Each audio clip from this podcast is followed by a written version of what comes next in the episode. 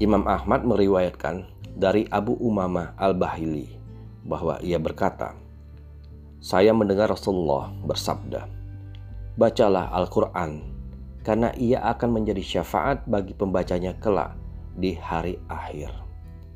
Bacalah dua surat yang memiliki keagungan yang luar biasa, yaitu surat Al-Baqarah dan Ali Imran.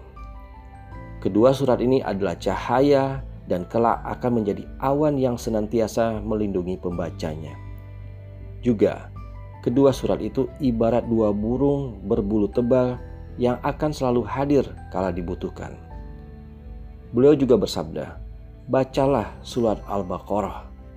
Barang siapa melakukannya, sungguh ia dalam keberkahan. Jika enggan melakukannya, sungguh ia dalam kesuraman." Surah Al-Baqarah akan menangkal diri dari sihir. Hadis ini diriwayatkan oleh Muslim.